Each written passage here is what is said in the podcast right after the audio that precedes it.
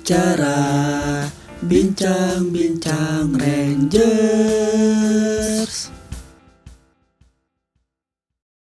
Selamat datang di Bicara alias Bincang-Bincang Rangers. Jadi ini adalah um, Instagram Live pertama dari uh, Codex. Semoga ini yang pertama dari sekian episode yang akan hadir di Semoga setiap minggunya di ke depannya nanti uh, Jadi di Bincang Rangers ini nanti akan saya pandu cie. Uh, nama saya Ian. Saya event and external relation dari Codex mungkin untuk yang belum uh, tahu begitu ya. Jadi selama kurang lebih beberapa waktu ke depan kita akan ngobrol um, kita akan ngobrol uh, santai.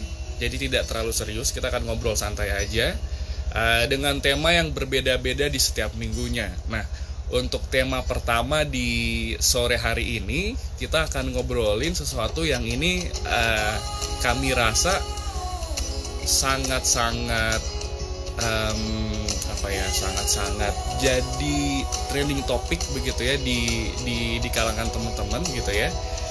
Jadi kita akan bahas tentang mencari penghasilan tambahan di masa pandemi.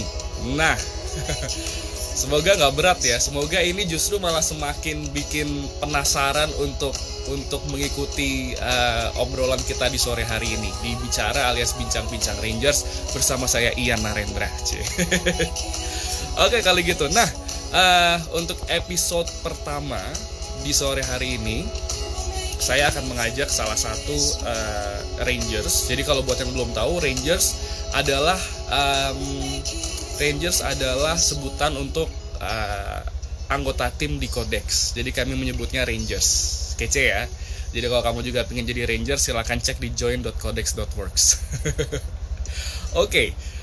kembali lagi ke topik di hari ini adalah mencari penghasilan tambahan di masa pandemi ada yang komen Sagara Rizal wow aku butuh penghasilan tambahan nih kak oke okay.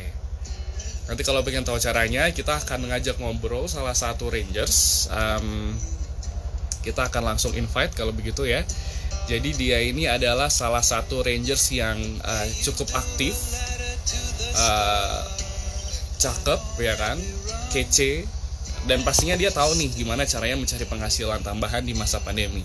Langsung saja akan. Oke, sudah aku invite, coba kita lihat. Oh ya, um, sambil menunggu, sorry kalau misalnya ada backsound backsound yang mungkin sedikit berisik. Wow, kaget. Halo Mas Ian. Halo, apa kabar Yola? Ya, baik. Oke. Okay. Kabar baik. Jadi ini hasil make upmu dari subuh tadi? Ini yang kau bilang kau make up dari subuh tadi. Ini hasilnya. Waduh. Belum apa-apa kita sudah dihadang oleh jaringan yang kurang baik ya. Oke, okay, it's okay. Kita sambil tunggu ya. Kita sambil tunggu um, sinyal dari Yola. Yola sudah hadir kembali. Sinyalnya kurang bagus nampaknya. Iya, sinyalnya jelek, maaf ya. Oke, seperti yang sudah kita coba kemarin ya. Oke, Yola apa kabar Yol? Baik ya. Jadi selama selama WFH ini gimana? Sudah lelah atau sudah bosan atau sudah ingin kembali ke kantor? Wah kangen banget mas sama kantor, gimana dong? Kangen ya kangen kita uh, apa pesan makanan online setiap hari ya. Iya, pakai diskon. Oke, jadi teman-teman, um, Yola ini adalah salah satu Rangers ya. Yola ini adalah salah satu content creators yang dimiliki oleh Codex. Boleh kita beri tepuk tangan untuk Yola. Oke, Yol, um, sebagai konten kreator gitu ya, aku langsung pengen tanya sih sama kamu gitu, karena kan kita lagi ngebahas soal um, mencari penghasilan tambahan di era uh, pandemi gitu ya. Kita tahu kalau uh, banyak sekali industri yang kena imbas gitu ya. Uh, dan mungkin juga salah satu imbasnya kalau di Codex ya kita jadi WFH gitu ya. Kita sudah dua bulan ya kalau nggak salah ya WFH ya. Ya, dua bulan lebih, Mas. Dua bulan lebih bahkan, oke. Okay. Uh, eh, boleh nggak sih Yol diceritain gitu, kalau kalau pekerjaan Yola sendiri sebagai konten kreator, itu kira-kira uh, seputar apa aja sih Yol? Kalau sejauh ini, selama di Codex itu, aku bikin konten buat di media sosial. Hmm, sebenarnya karena kita media sosialnya masih cuma ada IG sama Twitter sama LinkedIn juga, jadi itu kita lebih ke grafis ya. Jadi aku di sini fokus bikin grafis, hmm, ngedesain gitu. Mm -hmm. Oke, okay, oke. Okay. Jadi fokus bikin uh, kontennya dalam bentuk desain dan juga uh, tadi ya grafis gitu ya. Nah, um, kalau selama ini kan kita kerja langsung di uh, kantor Kodex gitu ya. Buat yang belum tahu, uh, headquarters Kodex ada di Sumatera Kebayoran Baru. nah, kemudian yo selama dua bulan WFH, udah hampir dua bulan, lebih bahkan gitu. Gimana? Ada shifting atau ada perubahan nggak nih uh, pekerjaan kamu setelah WFH selama dua bulan ini?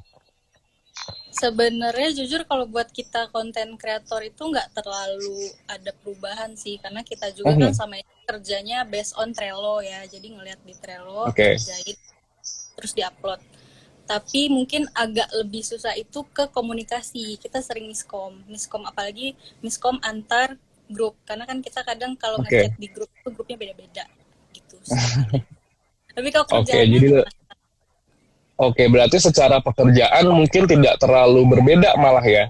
Uh, yang dikerjakan sama tapi mungkin bentuk uh, apa ya? Mungkin bentuk komunikasinya yang yang yang kemudian berubah begitu ya. Iya, Oke. Okay. Nah, uh, mungkin juga boleh kalau ada teman-teman yang yang mungkin juga mau tanya, boleh silakan ditulis di apa sih komen ya komen box gitu. Saya juga belum familiar sama Instagram Live jadi kalau uh, ada salah ya harap maklum ya kita masih mencoba-coba. Oke okay. nah um, kalau misalnya tadi kamu bilang soal seputar uh, apa ya komunikasi berarti itu jadi hambatan juga sebenarnya ya. Jadi satu hambatan juga selama kamu bekerja. Nah terus gimana tuh overcome atau atau me, me, apa ya menyelesaikan hambatan tersebut gitu. Lebih ke kayak double check kadang triple check double confirmation gitu. Pokoknya make sure aja okay. terus. Kayak gitu. Oke okay, berarti berarti sebenarnya effortnya lebih ya Yol selama WFH maksudnya karena kan kalau kita di kantor nih um, ya kita koordinasi langsung gitu ya tatap muka kita direct gitu. Eh gimana nih ini gimana segala macam? Terus kemudian ketika kamu WFH kemudian harus double check, triple check, berarti effortnya malah lebih besar sebenarnya ya. Iya, uh, lebih besar emang sih, tapi ya mau gimana mas daripada kita salah kan. Iyalah ya, apa gitu. juga. Iya oke. Okay. Nah, terus um, yang jadi penasaran juga pertanyaanku selanjutnya adalah uh, lebih senang WFH atau kerja langsung di kantor? Uh, berhubung ini kantornya Kodex sebenarnya sama-sama aja nggak sih Mas antara WFH sama WFO cuma enaknya kalau kita WFH kayak sekarang kita waktu luangnya jadi lebih banyak jadi aku juga lebih bisa ngerjain banyak hal selain kerjaan di kantor gitu. Oke, okay. nah uh, lebih bisa mengerjakan banyak hal selain kerjaan di kantor. Itu yang kemudian um, bikin aku penasaran gitu ya. Apakah itu termasuk dengan mencari penghasilan tambahan? Wah iya dong, pasti dong. Kita hidup cari cuan. cuan. Eh ini salah ya, ini love ya, bukan cuan ya. Kalau cuan oh, gini, cuan. Oke. Okay. Karena kebetulan kita juga nggak bisa justipan ya di masa-masa seperti ini ya. Iya betul. Oke okay, kalau gitu. Nah, um, kalau gitu kita balik lagi ke mencari penghasilan di di mencari penghasilan tambahan di masa pandemi. Nah, kalau untuk Viola sendiri uh, sebagai seorang konten kreator gitu ya, uh, itu gimana ya mencari penghasilan tambahannya dalam bentuk apa ya? Kalau aku sendiri karena berhubung aku bisa desain, aku bisa bikin mm -hmm. ilustrasi, terus um, bisa edit foto, itu aku ngambil ketiga bidang itu. Tapi yang terakhir okay. itu aku desain aku desain packaging alat medis dan itu jujur okay. aja aku dapetnya di Twitter segampang itu dapat okay. kerjaan gitu. Oke, okay, jadi uh, gimana ya? Bo boleh diceritain nggak sih gimana untuk prosesnya? Maksudnya, oke, okay, lihat di Twitter, kemudian kamu yang ngejar atau kemudian kamu hanya reply, mas saya konten kreator, kalau mau boleh terus dia terus dia kontak kamu atau gimana? Boleh dong diceritain ya? Hmm, kalau khusus yang kerjaan terakhir ini sih sebenarnya dia yang ngontak aku karena aku pernah nge-tweet sesuatu dan itu agak viral gitu kan. Nah, terus Wih di seleb tweet, seleb tweet. Agak dikit doang. Nah, agak terus, dikit. Terus akhirnya si orang itu nanya, "Kak, kamu bisa desain ya? Bisa nggak sih kalau ngerjain desain kita, kita lagi butuh desainer banget gitu." Nah, ya udah karena menurut aku nggak baik nolak kerjaan ya, apalagi nolak duit yeah. ya udah ambil. Apalagi nolak duit. nah, okay. kalau biasanya yang lainnya itu aku juga pakai website kayak Fiverr, terus freelancer itu juga ada. Itu okay kebanyakan dari luar negeri sih orderannya dan itu bayarnya pakai dolar cuma memang jarang Widih, makin sekali, makin cuan makin cuan nggak ada just tip tapi ada kerjaan tambahan yang lain. Oke okay, nah uh, berarti tadi ya ada bahkan dari Twitter. Bahkan tadi ya Yola sempat sebut ada apa tuh uh, website-website itu yang apa freelancer dan juga segala macam yang sebenarnya bisa dipakai juga ya untuk untuk cari tambahan gitu ya. Bisa bisa banget mas. Dan itu nggak terbatas sama kayak desainer kayak aku gitu. Jadi kayak mm, kalau okay. kalian bisa nulis itu juga bisa mm -hmm. di mm-hmm. sana ada lowongannya kalau kalian bisa hmm, nulis caption gitu kalau kata teman aku mm -hmm. kemarin itu kayak mm-hmm. tulisan mm -hmm. kayak bikin apa ya content writer gitu okay. jadi bisa bikin jargon okay. nah itu yeah. ada okay. nyari emang ada Terus juga aku pernah ditawarin itu di Upwork. Di Upwork itu dia nawarin kita buat dengerin curhat orang. Oke, okay, wow. Dengerin curhat orang dapat wow. duit. Eh, itu serius? Beneran, cuma kita di sana harus melampirkan bukti kalau kita tuh adalah pendengar curhat yang baik dan pemberi solusi yang baik. Jadi kayak kita harus nge Mohon maaf, buktinya kayak gimana tuh kira-kira? Kayak screen capture chat gitu. Nah, jadi menurut aku ini nggak etis sih, makanya aku nggak ambil tawaran okay, itu. Oke, oke kalau misalnya kita yang curhat dapat duit nggak Yol? kayaknya, kayaknya itu juga orang-orang banyak gitu ya. Oke. Oke, okay. berarti balik yang tadi website itu sebenarnya itu tidak terbatas ke konten kreator juga ya gitu. Karena tadi iya. juga aku lihat ada beberapa pertanyaan juga yang uh, apa uh, apakah harus konten kreator dan juga segala macam gitu ya.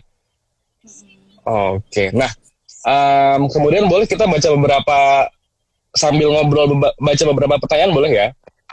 Iya, Oke. Okay. Ini ada satu satu pertanyaan ini yang barusan ditanyakan. Nah, uh, ada tips nggak sih buat bagi kerjaannya nih gitu dengan side job selama masa pandemi gitu dan uh, dan supaya bikin semua tetap balance gitu mungkin ya. Mungkin bisa dari cerita Yola deh gitu, cara Yola menyeimbangkan antara karena kan walaupun kita WFH kerjaan tetap banyak kan, gitu ya. Iya, Apalagi betul. kalau order dari ada event berturut-turut, wah pasti Yola yang bikin gitu ya. ya. nah, gimana Yol? Cara membagi kayak, oke, okay, uh, kita ngerjain kerjaan utama kita, cuma tetap bisa ngerjain kerjaan tambahan dengan seimbang. Kalau di aku sendiri, uh, khusus week weekday itu Senin sampai uh mhm. -huh. Jumat, itu aku ngerjain okay. kerjaan dari kantor dan untuk Sabtu Minggu itu aku ngerjain kerjaan dari uh, freelance jadi memang aku bilang ke orang freelance-nya aku cuma bisa submit dua kali seminggu gitu emang dari awal dibilang ketentuannya kayak gitu jadi okay. nego-negoan aja berarti sebenarnya dibalikan lagi ke apa tuh namanya ke ke ke yang mau hire kita ya gitu ya maksudnya iya. uh, berarti itu akan akan bisa berbeda-beda untuk untuk setiap orang begitu ya Bener-bener. Okay. Tapi kan nah. kita bisa nego-nego. Oke, okay, tapi ini nggak Yol, ada waktu-waktu di mana kayak Yola merasa, uh, aduh weekend gue capek nih, pinginnya kayak sama keluarga aja gitu, atau pinginnya kayak main switch aja gitu kan, oh, atau iya.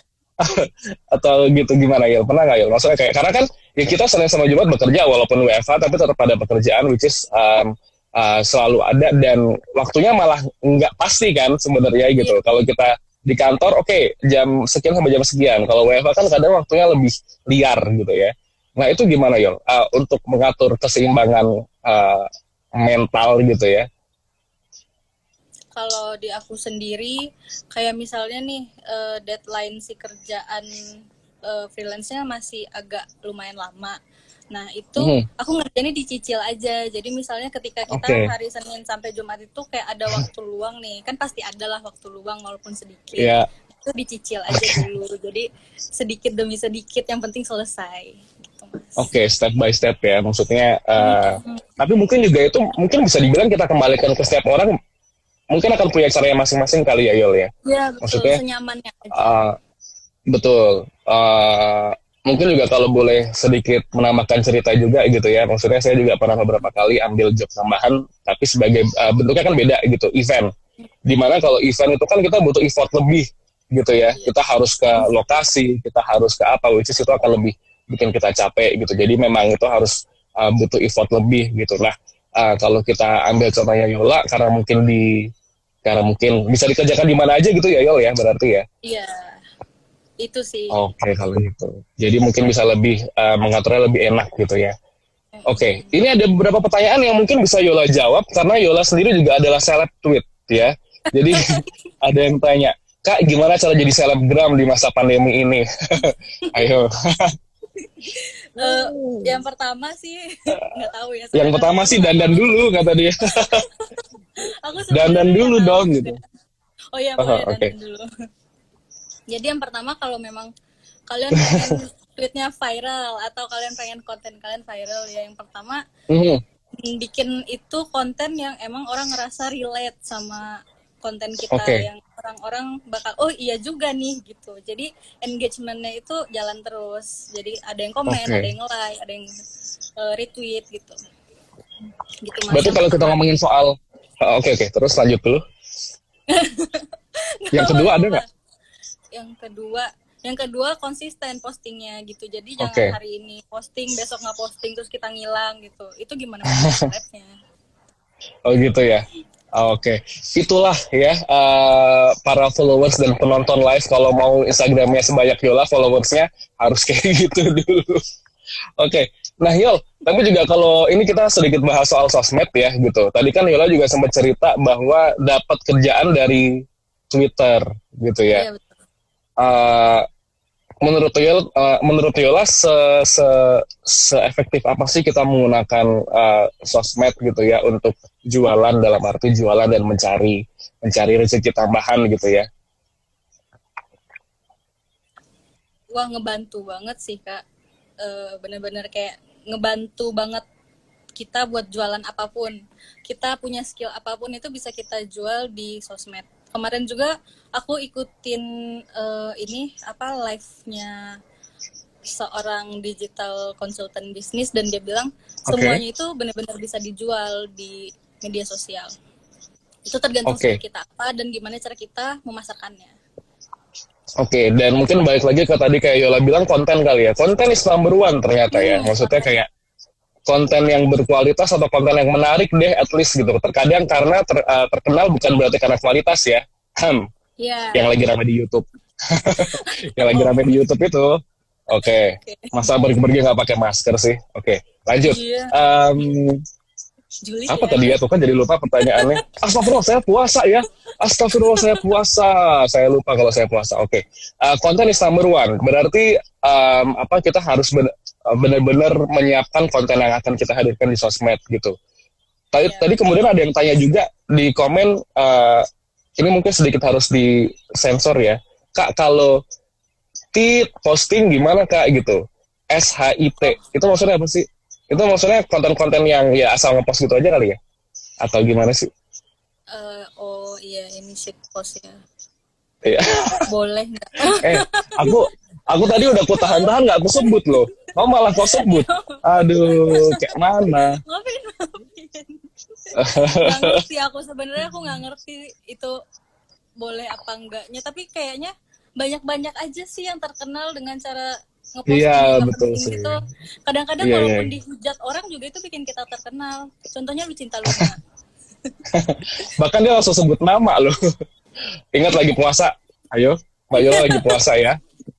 Oke, oke okay. kita kita kita kita balik ke mencari mencari tambahan di era pandemi. Kalau tuh ada yang komen itu konten yang mau viral tapi negatif kak. Nah itu yang mungkin harus kita hindari ya. Bagaimana kita memberikan uh, konten untuk menarik orang tapi uh, menarik dalam arti uh, apa uh, positif gitu ya. Oke. Okay. Nah, yeah. tadi Yola bilang bahwa skill apa pun bisa dijual gitu. Nah, tapi Yol, ada satu lagi pertanyaan. Kak, gimana kalau uh, misalnya aku tidak merasa punya uh, skill khusus? Gitu. Gimana? Gimana untuk tetap cari duitnya gitu? Nah, ini pertanyaan yeah. penting sih. At least kalau menurutmu ya. Aku bilang tadi sih yang aku pernah ditawarin yang aku pernah ditawarin di Upwork buat jadi apa pendengar curhat itu kan butuh skill sama sekali jadi pendengar curhat bener gak sih eh kata siapa berat loh jadi pendengar curhat beneran tapi kan kayak cuma dengerin doang kak. Maksudnya kayak kalau hmm. ngasih ngasih um, saran pun kita gak bener juga nggak apa-apa sih kayaknya. Nggak tahu ya menurut aku ya. Oke. Okay. oke okay, tapi, tapi lah sih. uh, itu gak butuh skill khusus kan? Hmm, iya sih. Uh, bukan mungkin bukan skill yang spesifik ya. Maksudnya dalam arti begini uh, ada yang komen susah susah kak jadi pendengar yang baik. Betul aku aku setuju kalau kalau untuk part itu. Cuma mungkin maksud Viola uh, bahwa uh, skillnya mungkin tidak spesifik ke ilmu tertentu gitu ya. Maksudnya kalau kita kayak Yola kan uh, skillnya skill setnya spesifik ke desain gitu misalnya konten kreatif gitu so mungkin kalau uh, tadi jadi pendengar yang baik ibaratnya kayak uh, ya sebenarnya kamu tidak perlu background background tertentu ketika ada di aplikasi itu gitu ya. Oh ini ada yang komen shoot posting itu post yang kontennya agresif ironi atau troll? Oke okay, oh. thank you. Uh, ini juga info baru nih atas buat aku juga oke. Okay. nice info uh, kan tadi nice info kan oke. Okay. tadi ngomong apa kita sebelum itu? Uh, ngomong apa tadi ya? tapi oh iya oke. okay. menurut aku ya Mas Yan uh, kayak kalau yang jadi freelance pendengar curhat itu kita cuma dengerin aja. Kalau seandainya okay. buat konsul itu mereka pasti cari yang lebih ahli. Betul. Oke okay, karena mungkin tadi balik ke balik ke situ apa atau uh, sikonnya kali ya. Kalau itu kan mungkin karena memang hanya hanya di aplikasi gitu ya bukan memang konsultan profesional. Jadi kayak ya semua orang boleh nih kalau misalnya pengen untuk uh, gabung gitu. Oke. Okay. Iya. Berarti dilihat Karena juga sikonnya. ada orang-orang yang lebih nyaman buat curhat ke stranger daripada ke orang yang kenal dia karena okay. dia takut dijudge. Kayak gitu sih sebenarnya. Oke. Okay. Bicara bincang-bincang Ranger. Oke, okay, lebih ke judgement ya. Oke. Okay. Nah ini juga ada yang komen nih. Um, kalau misalnya mungkin mungkin Yola juga tahu sedikit banyak tentang ini gitu ya. Kalau skill jadi buzzer itu kira-kira bisa menghasilkan banyak pundi-pundi uang nggak sih? Menurut aku pasti banyak banget itu e, pundi-pundi uangnya karena kalau nggak nggak mungkin banyak buzzer bertebaran di sosial media ya nggak sih? Itu iya. pasti yeah. gelontoran dananya tuh kenceng. Cuma aku nggak ada gitu tawaran ya? sih. Aku pengen easy money easy money ya? Oke okay. itu itu istilah baru easy money. Bagaimana kita ketika di situasi kayak gini kan kita uh, oke okay lah mungkin kalau di uh, kita alhamdulillahnya kita tidak terlalu terimbas gitu ya. Uh, tapi ada teman-teman di luar sana yang bahkan mungkin kena layoff bahkan mungkin kena uh, THR dipotong 50% kemudian cari cara akhirnya banyak yang jualan kemudian banyak yang sering share di di sosmed gitu ya. Jadi memang mungkin uh, alih profesinya gitu yang paling visible yang paling gampang ke sosmed kali ya gitu. Makanya kayak itu kayak iya. semua itu kayak hal pertama yang bisa kita jangkau gitu nggak sih? Maksudnya kayak iya kalau kayak kalau kalau misalnya aku lagi nggak ada kerjaan yang pertama aku cek adalah pasti sosmed gitu ya. Iya nggak? Hmm ya ya banget. Kita tuh kayak hampir hampir seharian tuh ngecek sosmed kan kalau lagi bosen gitu kadang aku kalau lagi nggak ada ide buat ngerjain konten juga aku pasti cek sosmed apa nih yang lagi trending gitu kan bisa diangkat buat jadi konten Oke, setuju. Berarti kalau tadi pertanyaannya adalah uh, jadi buzzer menghasilkan banyak pundi-pundi uang atau enggak? Jawabannya adalah iya ya, gitu. Jawabannya adalah iya. iya. Tapi tapi masalahnya menurutku gini, kalau kita jadi buzzer, kita nggak bisa langsung mendadak jadi buzzer kan? Kita kita uh, nah aku nggak tahu definisi buzzer itu sebenarnya gimana sih? Apakah memang orang dengan followers tertentu atau memang semua orang bisa jadi buzzer? Mungkin ada tiernya kali kak. Jadi kayak kalau okay. seandainya tier ini dapat bayaran berapa, tier ini dapat bayaran berapa. Oh, mungkin okay, untuk tier okay. yang paling rendah itu mereka diharuskan nge-tweet sekian kali per hari dan selalu pakai hashtag ini gitu. Biar Hmm, oke. Okay. Berarti memang tidak selalu harus punya follower sekian ya sebenarnya ya jadi hmm. buzzer ya. mungkin jadi selebgram yang harus punya followers sekian. Itu durasi kak, durasi. bayaran, oke. Okay. Eh, apakah sudah kepanjangan durasinya? Semoga belum ya. Ini kita baru setengah jam kok. Oke, okay, silakan untuk yang mau uh, tanya boleh, uh, boleh di komen ya. Tadi ada beberapa pertanyaan, boleh kita sambil jawab-jawab ya Yol ya. Uh, ada yang bilang skillku nggak menjual kak, gombal, gimana dong? Loh, gombal itu skill loh, iya nggak sih? Hmm, bener bener. Itu iya kan? nggak sih dulu pocong, ada akun Twitter pocong, dianya tiga sih. Arif Muhammad, Muhammad ya. Iya, yes. kan ngegombal awalnya. Betul, Akhirnya betul, betul. Betul, walaupun memang hmm? uh, by proses ya. Maksudnya yeah. dia kan kemudian bisa mencapai followers jutaan ya kalau nggak salah ya. Itu lumayan itu kan, lama sih beberapa bulan. Betul, oke. Okay. Oke okay, kalau gitu. Nah, kita akan balik lagi ke beberapa pertanyaan. Ini ada ada sudah ada yang ku compile gitu ya. Um, ada yang tanya gimana caranya biar multitasking. Tadi sudah jawab sebenarnya ya sama Yola. Uh, terus Yol, nah ini ada juga yang tanya, seberapa besar sih rata-rata pendapatanmu dari pendapatan tambahan kalau misalnya dibandingkan dengan gaji pokok? Wah, kalau dibandingkan nggak bisa sih mas, karena kan mhm. dapatnya hmm. kalau freelance itu per project, sedangkan kalau gaji pokok itu kan per bulan, jadi okay. kayaknya nggak bisa dibandingin. Cuma kalau rata-rata orang-orang yang bikin ilustrasi di luar sana, aku lihat harganya sekitar 50.000 sampai 250.000 per kepala. Jadi kayak kalau gambar itu mhm. hitungannya hmm. per kepala, kayak gitu. Kalau desain pun kalau kayak okay. aku kalau kayak aku sendiri aku masih masang tarif murah, tapi mungkin kalau kayak pasar itu udah mahal. Oh gitu, sambil jualan tetap ya. Oke oke oke, bagus bagus. Jualan kapan pun karena cuan itu penting. Oke, berarti tapi mungkin um, tapi nggak jatuhin pasar. Silakan nanti cek di Instagramnya pasar, oh, malah jualan. Ya, oke. Um, terus aja dilupa kan kalau saya tuh kalau habis juli tuh terus lupa mau ngomong apa. Uh, Oh iya, jadi memang kurang bisa dibandingkan ya gitu. Karena kan mungkin juga tergantung proyeknya juga ya. Berarti iya, kayak ya bisa jadi kita nggak dapat sama sekali, bisa jadi kita lagi numpuk banget gitu ya.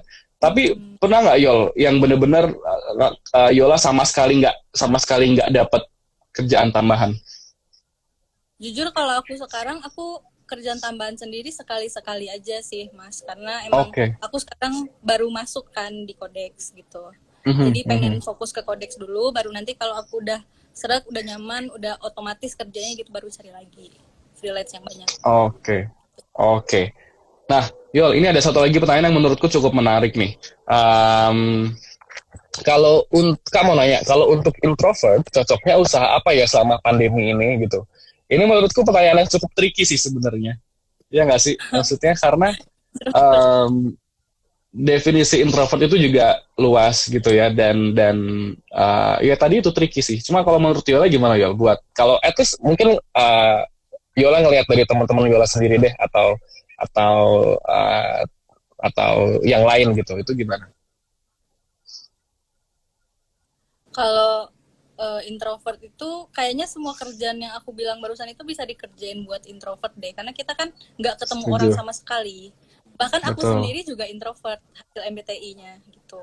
Hmm, masa sih? Jadi ya bener. Masa sih ya gitu. Bener, sama dong kita Yol. Wah, INFJ ya? Ternyata.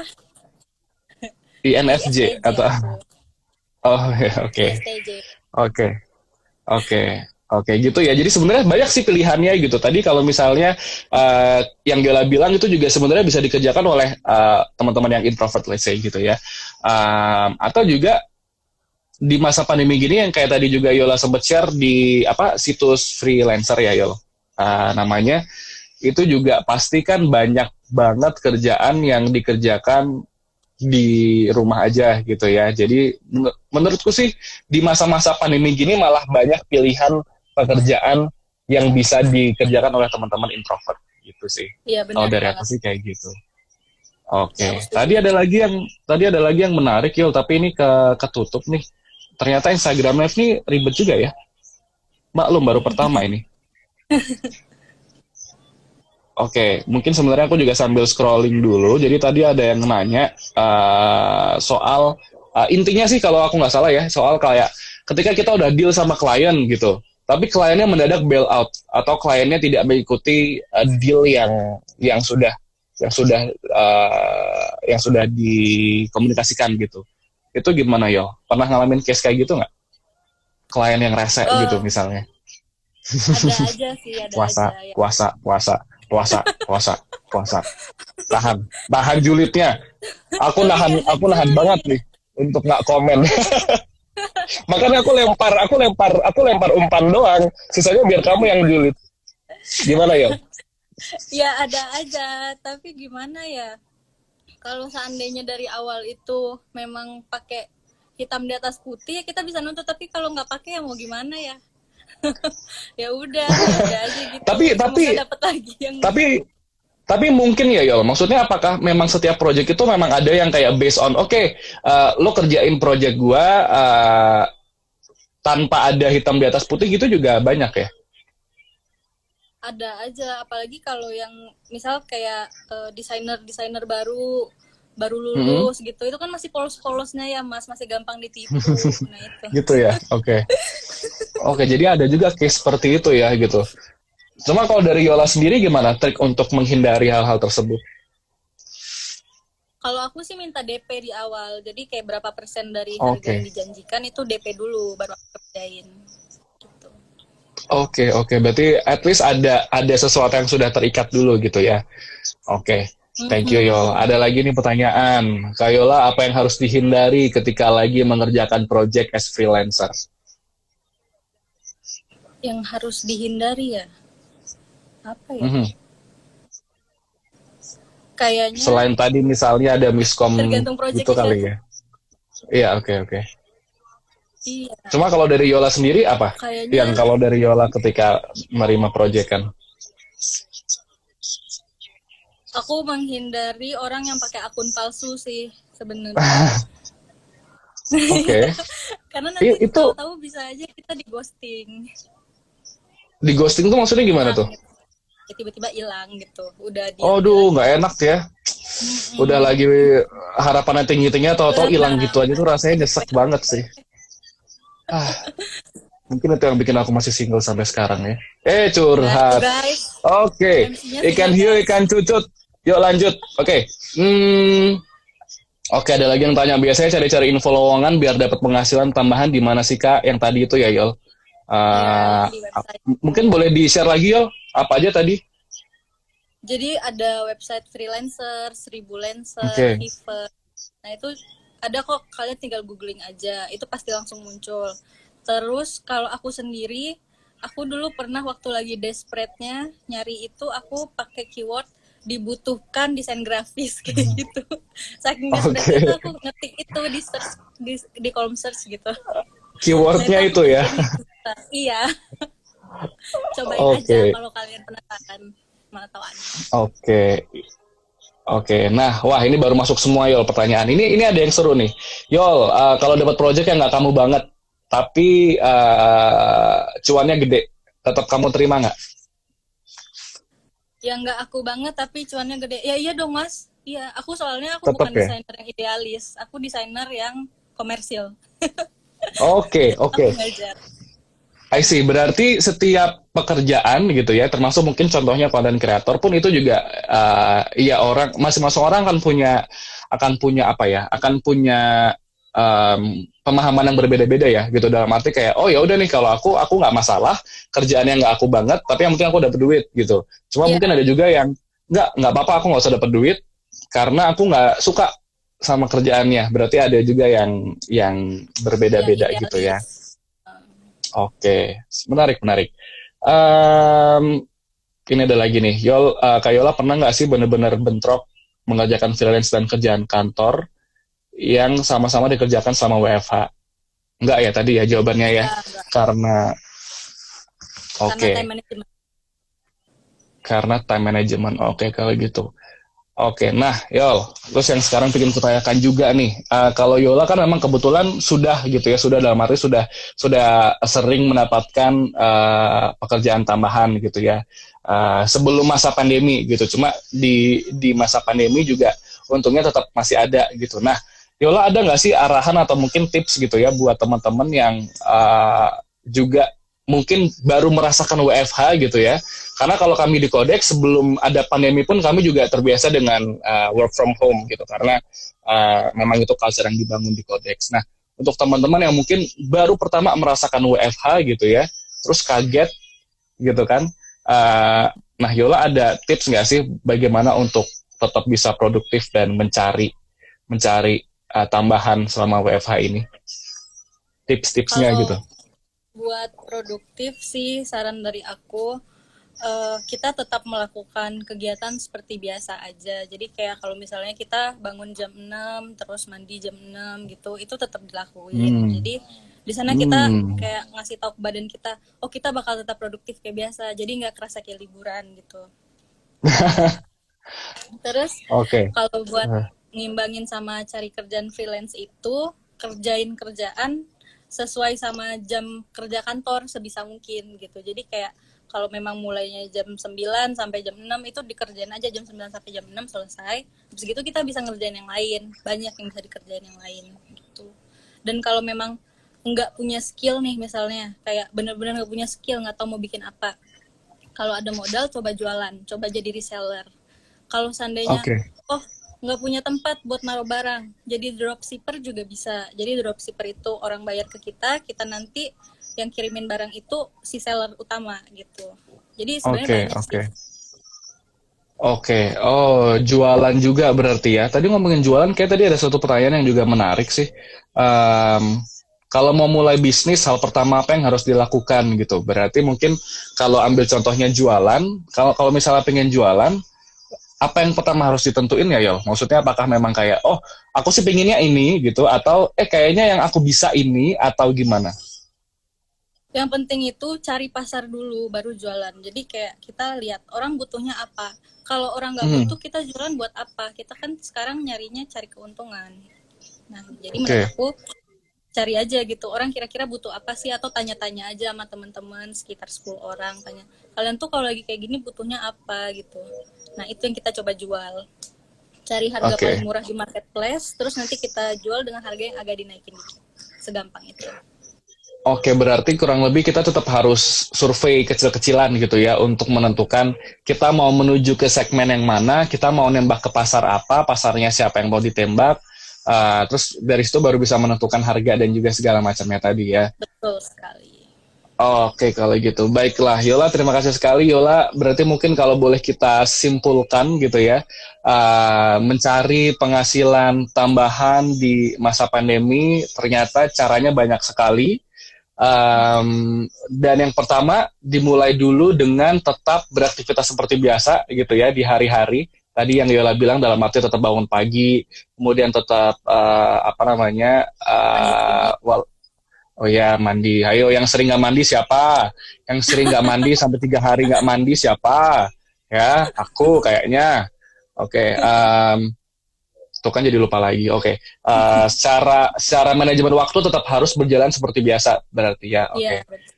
Iya, kemudian berarti yang kedua lihat skill kita apa yang bisa kita lakukan. Ketika punya skill set yang uh, spesifik kayak Yola bisa langsung di follow up untuk uh, skill tersebut gitu ya. Misalnya uh, apa konten uh, kreator, oke okay, kita cari jobnya dari beberapa website-website yang tadi Yola sudah katakan freelance dan juga segala macam untuk mencari uh, jobnya gitu ya. Nah kemudian untuk teman-teman yang mungkin tadi kayaknya saya kalau skill khusus nggak ada tapi saya pinginnya jualan nih gitu. Nah Tadi kalau kayak Yora bilang berarti ketika mau jualan bikin survei kecil-kecilan apa yang dibutuhkan gitu ya. Kemudian tentukan target dan juga segmennya, uh, tentukan harga dan segala macam baru terus kemudian jualan gitu. Um, gitu ya berarti ya Yol ya. Sama mungkin uh, selanjutnya juga adalah uh, tetap harus maintaining uh, manajemen waktu antara pekerjaan kantor dan juga pekerjaan tambahan. Benar banget. Betul ya supaya itu tetap bisa semua berjalan uh, secara normal gitu. Oke, kalau gitu. Um, ada lagi oh yang mau ditambahin tadi dari yang sudah disimpulkan? Um, cuma mungkin buat teman-teman kasih semangat. oh, kasih semangat. Ya semangat ya teman-teman kalau kalian belum mulai, ya mulai aja dulu kayak jargonnya e-commerce. Uh, uh, yeah. Jangan bikin macam-macam. Jangan overthinking.